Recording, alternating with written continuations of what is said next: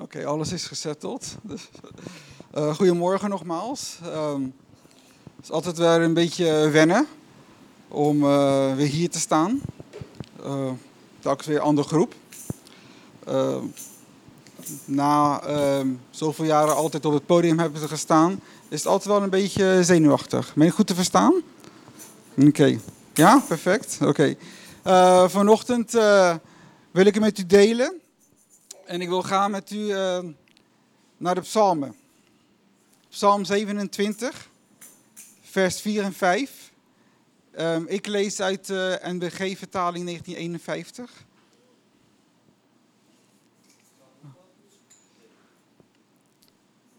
En uh, de Bijbel zegt daar, uh, het is een psalm van David.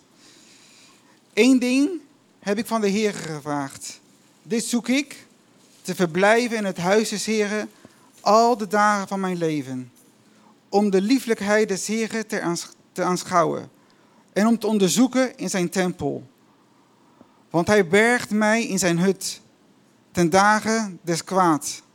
Hij verbergt mij in het verborgene van zijn tent. Hij plaatst mij hoog op een rots. Over deze psalm zijn er eigenlijk uh, wat bedenkingen. Want uh, ze weten eigenlijk niet wanneer hij het heeft geschreven. Of het nou aan het einde van zijn glorieuze dagen was. Dat hij eventjes terugdacht, hey, van hoe is het nou gegaan? Of uh, was het nou in het midden van een benauwdheid. Door de vele achtervolgingen van koning Saul en zijn vijanden. Dat weten we allemaal niet. Het is allemaal in het midden. Maar als ik dan uh, ja, stil ga blijven staan bij wat hij aan de Heer gevraagd heeft. Ik weet niet hoe het staat in een nieuwe vertaling. Maar dat hij wil verblijven in het huis des Heren al de dagen van zijn leven.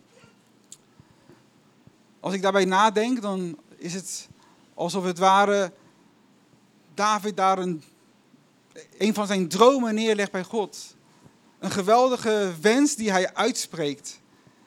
En toen ik bezig was uh, mij voor te bereiden, van wat zal ik spreken? Uh, degenen die mij wat langer kennen, uh, die weten al dat het altijd wel iets te maken zal hebben met lofprijs en aanbidding. En vandaag zal geen uitzondering zijn. Ehm, en dan denk ik van mezelf van, ja, geweldige droom.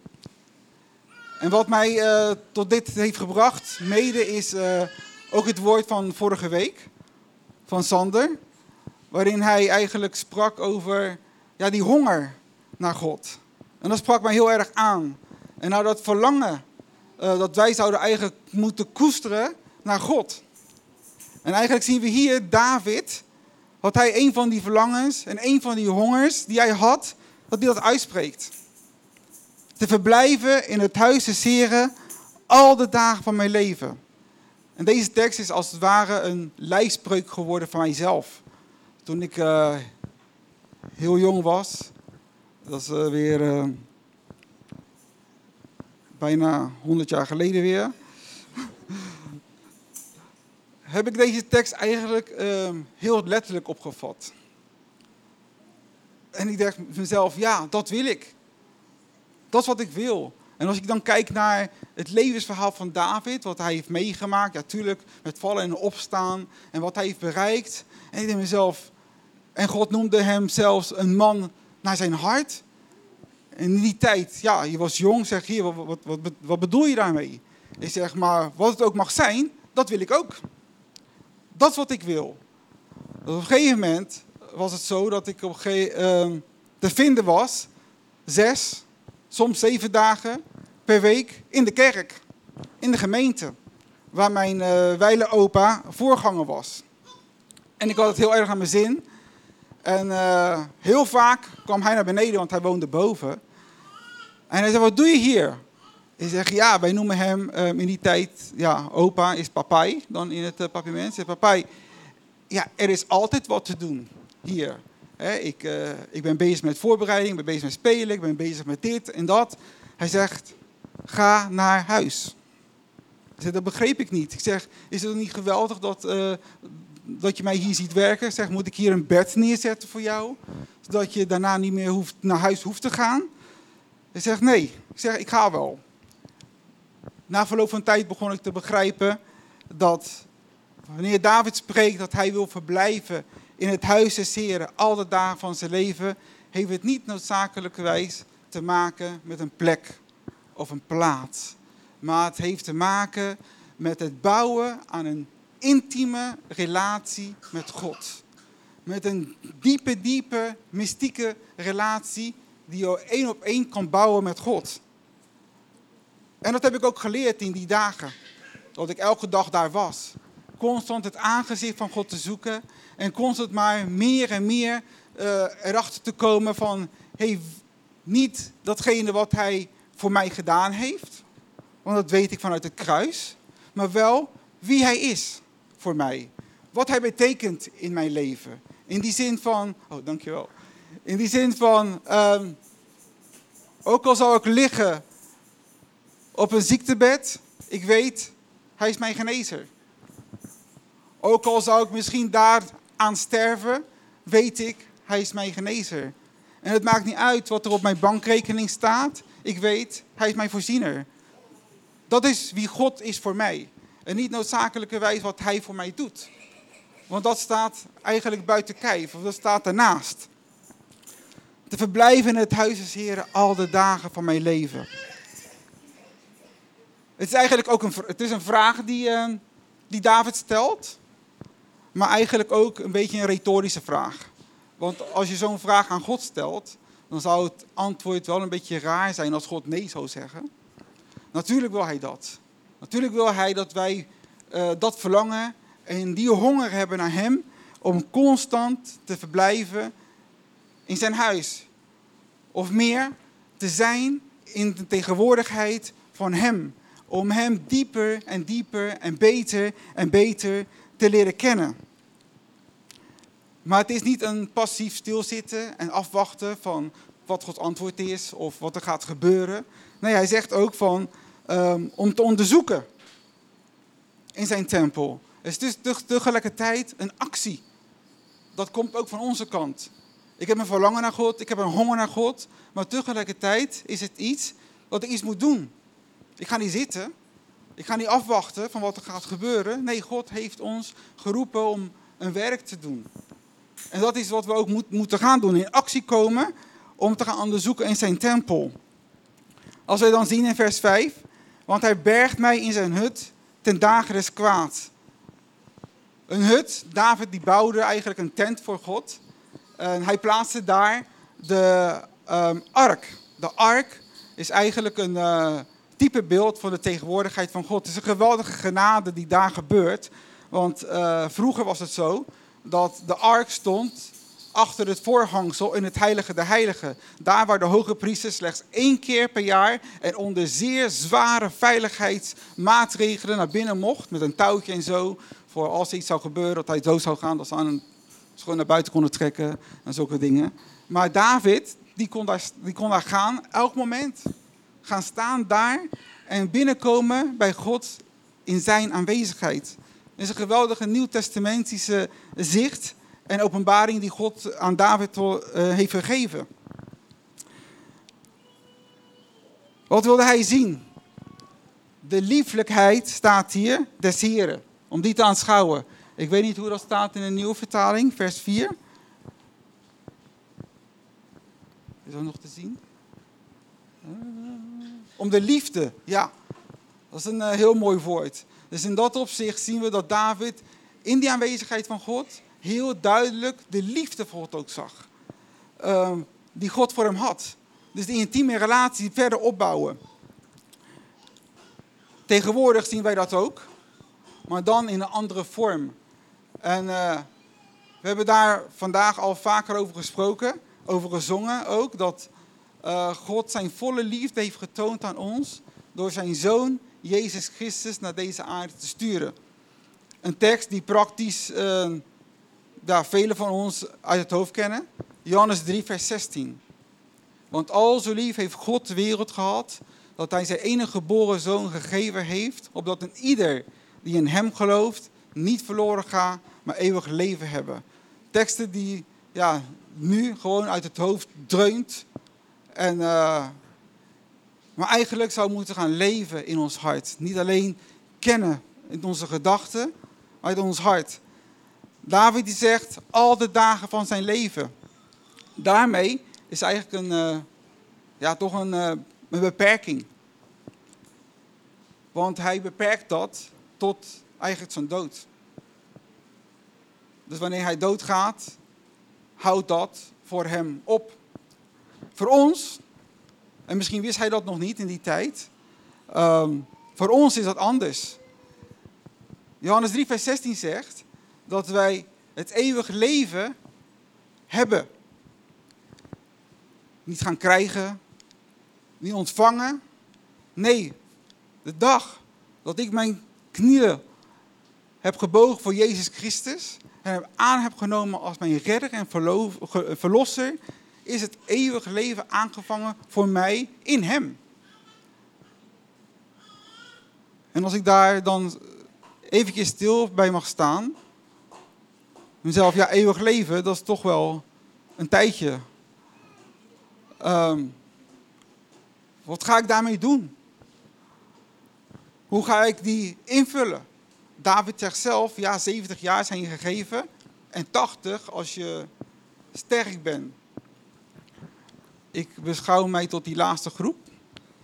In ieder geval nu. Uh, dus ik heb nog een tijdje te gaan, in ieder geval in dit aardse leven. Maar in het geestelijk leven heb ik het eeuwig leven reeds ontvangen. En mijn vraag is van, hey, wat, doe, wat, doe ik daarmee? Uh, tuurlijk, we moeten in ons dagelijks moeten we werken en uh, voor onze kinderen zorgen. En ja, vul het zelf maar in. Om te proberen te zijn daar in die aanwezigheid van, van overwinning naar overwinning. Want daarin zegt de Romeinenbrief in, in Christus Jezus. En dan wil ik even stil bij staan, zoals ik net zei, bij dat eeuwige leven. En we hebben het vandaag, en vers 2 zegt, in het tweede compleet zegt van, you didn't want heaven. Ik zeg dat, omdat uh, ja, ik daar ervaring mee heb. Ik doe dit al jaren. Niet dat dat, niet wat zing, zodat ik weet wat ik zing. Want als we daar staan of hier staan, uh, mij kan het niet zoveel schelen wie naast mij om mijn zonde te dragen. Dus als ik God loof en prijs, te komen daar, in de hemel, toch? Jullie het lied zegt van, and Jesus, you brought heaven down. Nou, dat is voor mij weer een hele andere gewaarwording van, uh, ik hoef dus eigenlijk niet te wachten totdat ik in de hemel ben om datgene te ervaren wat in dat lied zegt. Maar Jezus heeft de hemel naar beneden gebracht. En hoe zien wij dat? Hoe ervaren wij dat?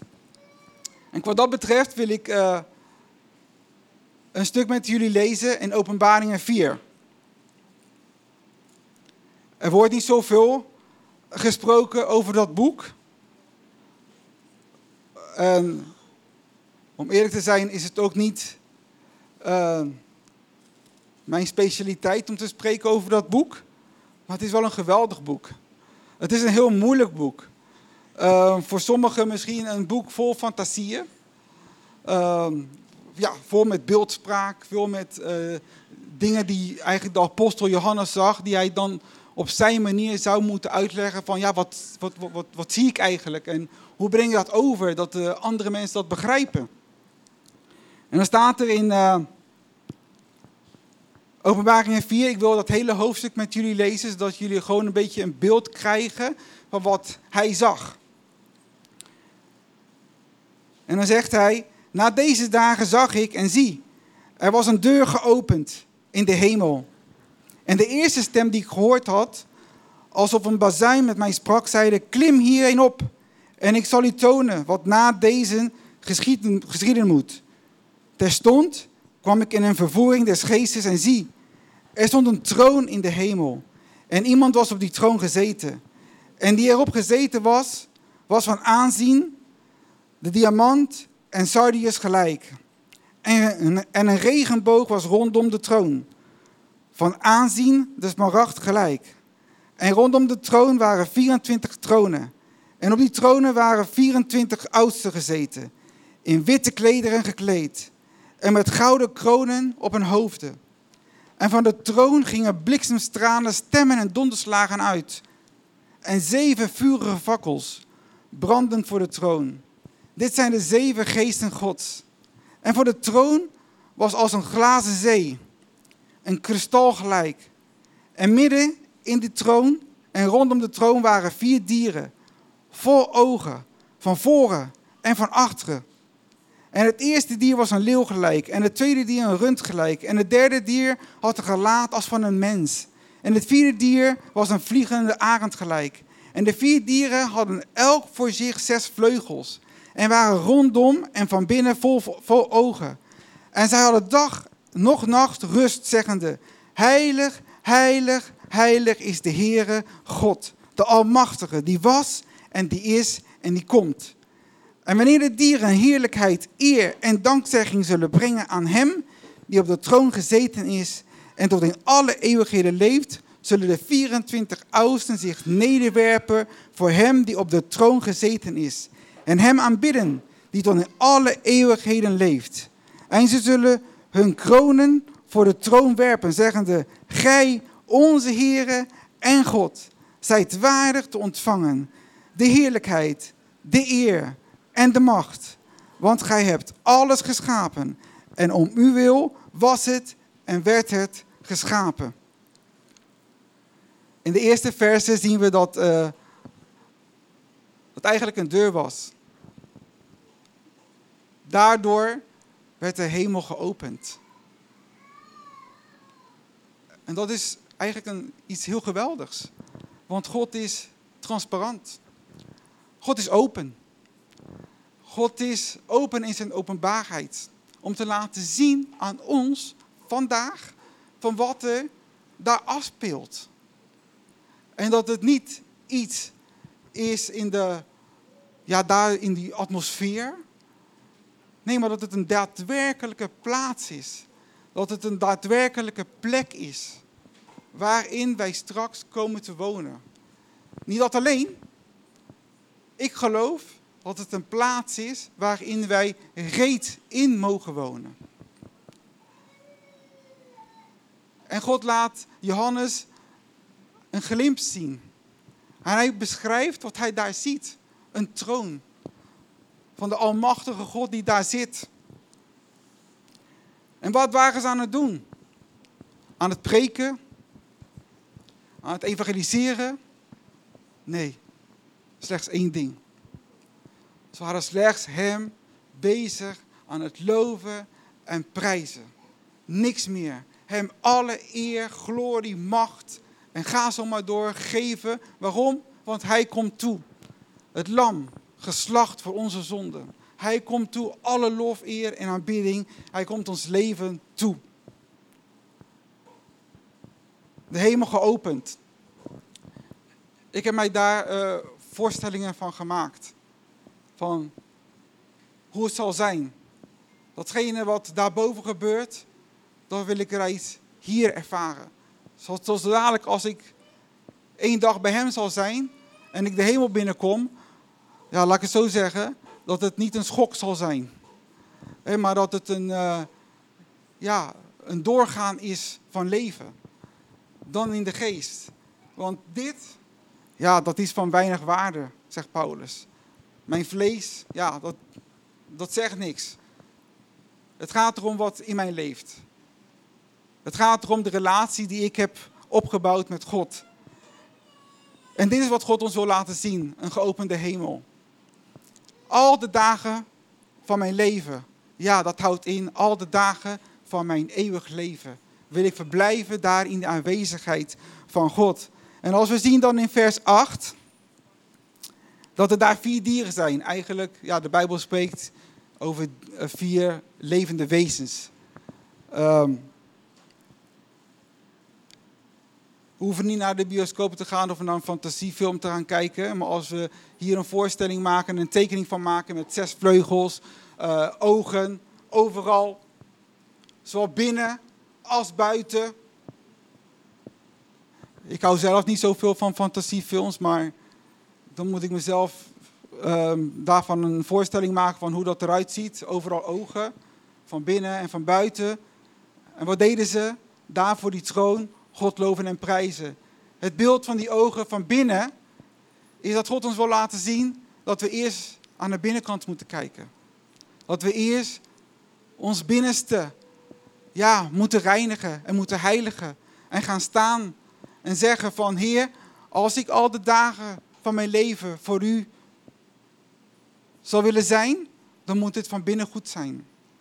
Dan moet mijn leven moet gelijk zijn, gelijk zijn aan datgene wat u voor mij heeft. De ogen van buiten, voor mij is dat een beeld van ehm, als ik sta voor het troon en zou ik me omdraaien, zou het niet uitmaken. Maar dat, dat er altijd wel een oog zal zijn die gericht zal zijn op de troon. En ik geloof dat het ook in ons leven zo mag zijn. Dat het maakt niet uit waar we naartoe gaan, maakt niet uit waar we staan, maar dat overal waar we mogen zijn, dat onze ogen gericht mogen zijn op Jezus. Dat onze ogen gericht mogen zijn op Hem die verlossing bracht voor mij. Die verlossing bracht voor jou. En dan zegt hij hier, er zal er geen rust, dag niet, nacht niet. Tegenwoordig, als de zangdienst 20 of 30 minuten duurt, ja, dan, is het alweer, dan is het al te lang. Of uh, als het geluid een beetje te hard staat, ja, dan moet al heel gauw wat zachter. Die twee dingen, ja, dat is misschien mens eigen. Openbaring 5 vers 11 staat, en ik weet niet of uh, wat wiskundeknobbels hier uh, in ons midden zijn, staat een engelenschaar van duizend, tienduizend keer en tienduizend keer. En dan voegt er nog een keer wat bij. Ja, en plus die 24 oudsten en die vier dieren. Die waren daar allemaal tegelijkertijd bezig met God te loven en te prijzen. Ik weet niet of u daar een voorstelling van kan maken wat voor een soort volume dat met zich meebracht. Daar kan de knop, de volumeknop, niet omlaag. Absoluut niet. Maar het is een geweldige volume naar God toe. Dag en bij nacht. Geen rust.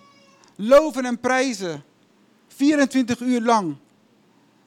En soms maak ik wel een grapje en zeg ik van... Oké, als ik jullie ontmoet in de hemel... Sorry, maar de komende 2 miljoen jaar heb ik geen aandacht voor je. En daarna ben je aan de beurt. Want ik zal alleen maar bezig zijn met God te loven en te prijzen. Met heel mijn hart. Wat deden ze? Ze zeiden, heilig, heilig is de Heer. Als je dag en nacht bezig bent met dit te doen, dan wordt het niet een gewoonte, het wordt een ademhalen. Het wordt een kloppen van het hart. Het wordt een hart van aanbidding. En dat is wat God wil ontwikkelen en creëren in ons. En als we dat gaan doen, dan zullen we zien en zingen tot God, heilig, heilig, heilig is Hij. En met de ogen die naar binnen kijken en onszelf zullen zien, dan denk ik dat wij langzamerhand ook die, die gesteldheid zullen krijgen. Zoals Petrus zegt, wees heilig, want ik ben heilig. En dan wil ik eindigen met Psalm 27, vers 4. Eén ding heb ik van God gevraagd. Een andere vertaling zegt, en daarnaar blijf ik jagen.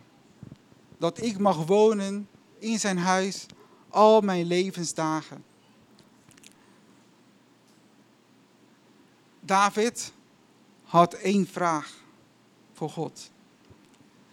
Wij hebben in ons leven misschien wel duizend levensvragen. En misschien wel heel veel vragen naar God toe. Maar David had slechts één. En de vraag en de gedachte die ik vandaag bij u wil neerleggen is, als je één vraag had voor God, welke zal dat zijn? Zal het een vraag zijn waarin God op zijn troon zal opspringen en een lied zal zingen naar jullie toe? Zal het een vraag zijn die te maken heeft met de honger, met het verlangen die je hebt naar God toe om een daadwerkelijke, intieme relatie met hem, met hem op te bouwen? Zal het dezelfde vraag zijn die David had? Dat ik verlang om al mijn levensdagen te verblijven in zijn vertegenwoordigheid? Dat is een vraag die ik bij jullie in het midden laat. Daar mag je over nadenken. En als je die vraag hebt gesteld aan God,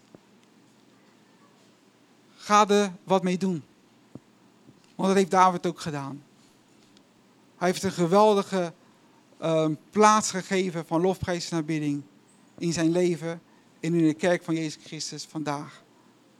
Stel God die vraag. En laat God dan opspringen op zijn troon. Vanwege de vraag die je hem hebt gesteld, omdat het heeft te maken met de relatie die je graag zou willen opbouwen met hem. Amen.